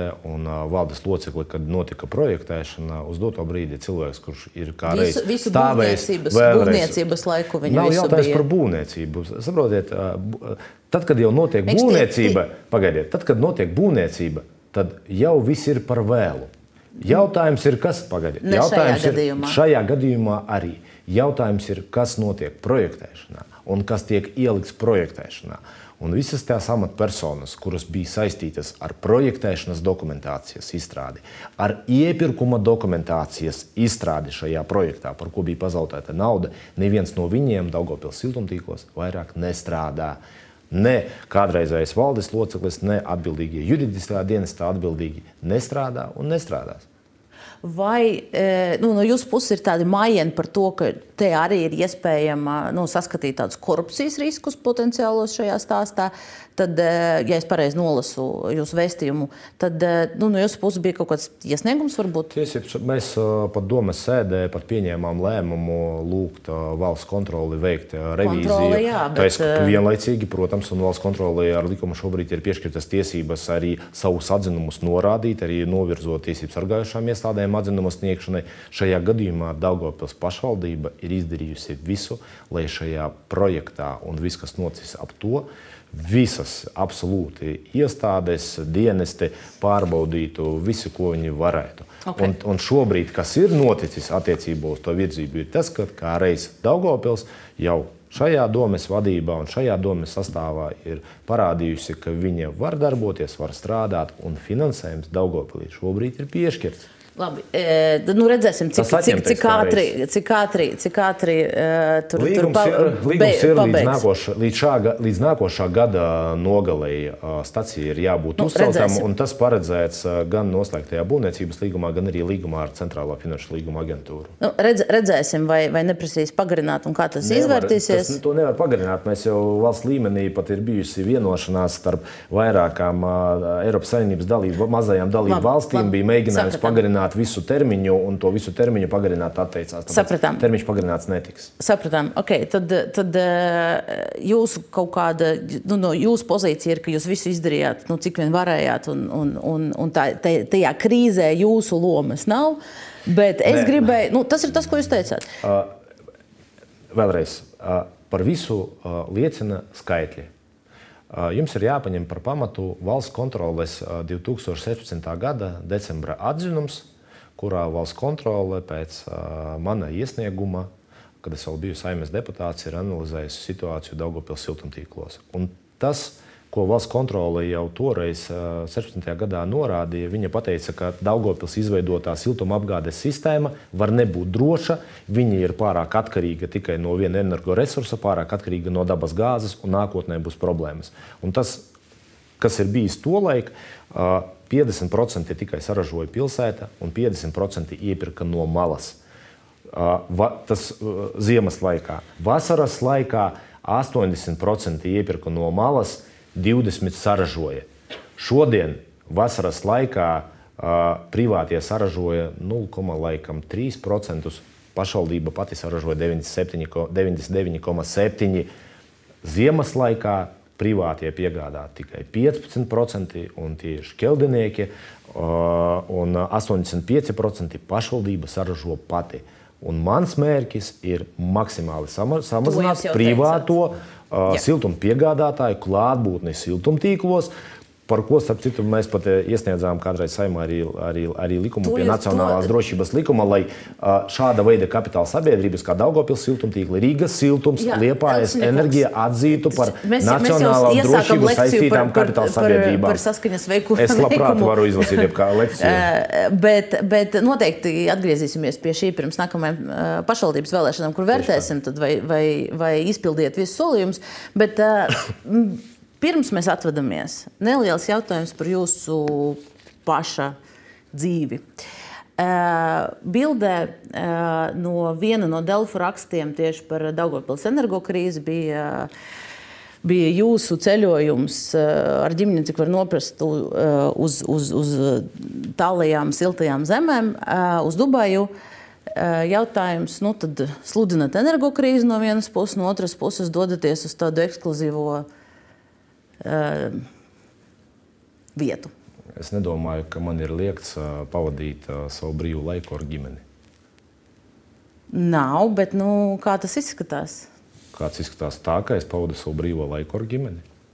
Okay, bet uh, šī bilde īstenībā. Pavadu, protams, jā. Uh, uh, uz Dubaju gan nav, nav nācies. Bet šī bilde liek uzdot citu jautājumu. Vai jūs gadījumā nedzīvojat pāri saviem līdzekļiem? Jo, ja mēs apskatāmies, un es argumentēšu, ja mēs apskatāmies to bildi, tad tur ir nu, šajā bildē redzama rokas bagāža. izmaksā aptuveni 6,5 tūkstošus eiro.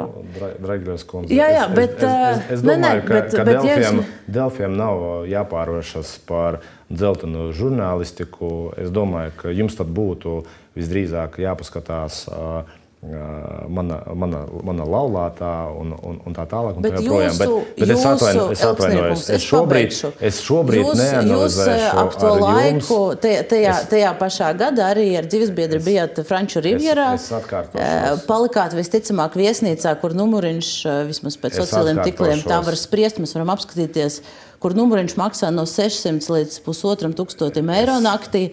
Un es- jūsu alga tajā es laikā domē bija aptuveni 900 eiro uz es rokas. atkārtošos. Jūs visus jautājumus vai visas šaubas varat lūk, izvērtēt jebkādām atbildīgām iestādēm, kuras to enzinu reizes ir skatījušās. Man ir Bet kā jūs finansējat šo dzīvesveidu? man ir pietiekami uh, laba, uh, jauka dzīvesbiedre, un es šobrīd absolūti netaisos uh, pārvērst šo brīnišķīgo raidījumu par nu, savu veidu uh, dzelteno izkārtni. Es jums uz vērtējumu nepiekrītu, jo uh, skatīties, vai vēlēti politiķi dzīvo pāri vai nedzīvo pāri saviem līdzekļiem, ir klasiska žurnālistikas loma. Abs- abs- abs- absolūti, un, un bet jūsu, jūsu dzīves biedre, bet jūsu dzīves biedre ir īpašniece divos uzņēmumos. Viens strādā ar, ar zaudējumiem, otra Bet peļņa pirms- un, un apgrozījums neļauj Bet, uzturēt šo. Nu, atkārtošos, es absolūti nejaucos uh, viņas uh, personīgajā finansiālajā darbībā. un Tad gan jau jums būtu jāsalīdzina visi rādītāji visiem uzņēmumiem, kurā viņa darbojas. Bet, nu, uh, manuprāt, tas tiešām būtu nepieklājīgi šobrīd. Okay, tad, eh, jūs, tas ir jūsu vērtējums. Es Tieši gan nepiekrītu, bet, eh, bet eh, jūs atbildējāt, bet jāteic, ka nu, eh, jums līdzīgi jautājumi arī citi Daugopils mediji uzdeva pirms laika. Tolaik jūs publiski tikat eh, redzēts 1000 eiro vērtajā jakā, laikā, kad eh, 400 eiro pirms nodokļiem pelnījāt domē. Kā tas gadījās to man, laiku? man nav komentāru par šo. Nu, es jums izstāstīšu, ka jūs toreiz to pamatojāt ar advokāta praksi. Bet Vēl- mēs apskatījāmies jūsu deklarāciju, Vēlreiz. un arī tur neuzrādās, neuzrādās šie ienākumi. Vēlreiz, jūs ā, ļoti labat, labi varat apskatīties ā, gan manu profesionālo pieredzi, gan tur, kur es darbojos. Un, protams, esmu arī vienlaicīgi zvērnāts advokāts, bet es šobrīd absolūti šajā sadaļā man nav ko bilst jums vairāk par to, ko jūs uzdevāt. Bet, Elksniekungs, jūs sakat, ka uh, daļa no jūsu ienākumiem ir kā zvērnātam advokātam. Es jau atbildēju, kā, de- šobrīd man kā Bija, zvērnāta bija, advokāta- pirms- pirms kļuvat par priekšsēdētāju, darbība man ir apturēta. Kā zvērnāts Jā. advokāts es nedarbojos, kā do, kad es esmu domas priekšsēdētājs.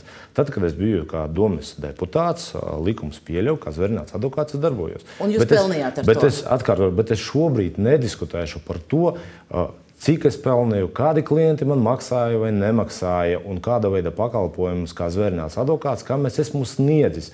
Viss, kas ir nepieciešams, ir atrodams manā valsts amatpersonas deklarācijā. Tieši tā, un tur ienākumu no šīs advokāta attiecībā- darbības nav. Attiecībā uz uh, mani personīgi. Bet tur ienākumu no šīs advokāta darbības Es jau nav. esmu atbildējis uz jūsu uzdoto jautājumu. Labi. Šis īstenībā arī bija pēdējais jautājums. Jūs, nu, lai skatītāji vērtē, vai jūs atbildējāt vai nē, gan, gan uz šo, gan uz citiem jautājumiem. Bet, nu, katrā gadījumā paldies par dalību raidījumā. Paldies, paldies arī skatītājiem, kas ar mums pusotru stundu ir bijuši. Es atgādināšu, ka mēs esam klausāmi arī podkastu platformās Apple un Spotify. Un kā pirmdien raidījums Sprieda ar Delfi turpinās Delfi TV ēteru.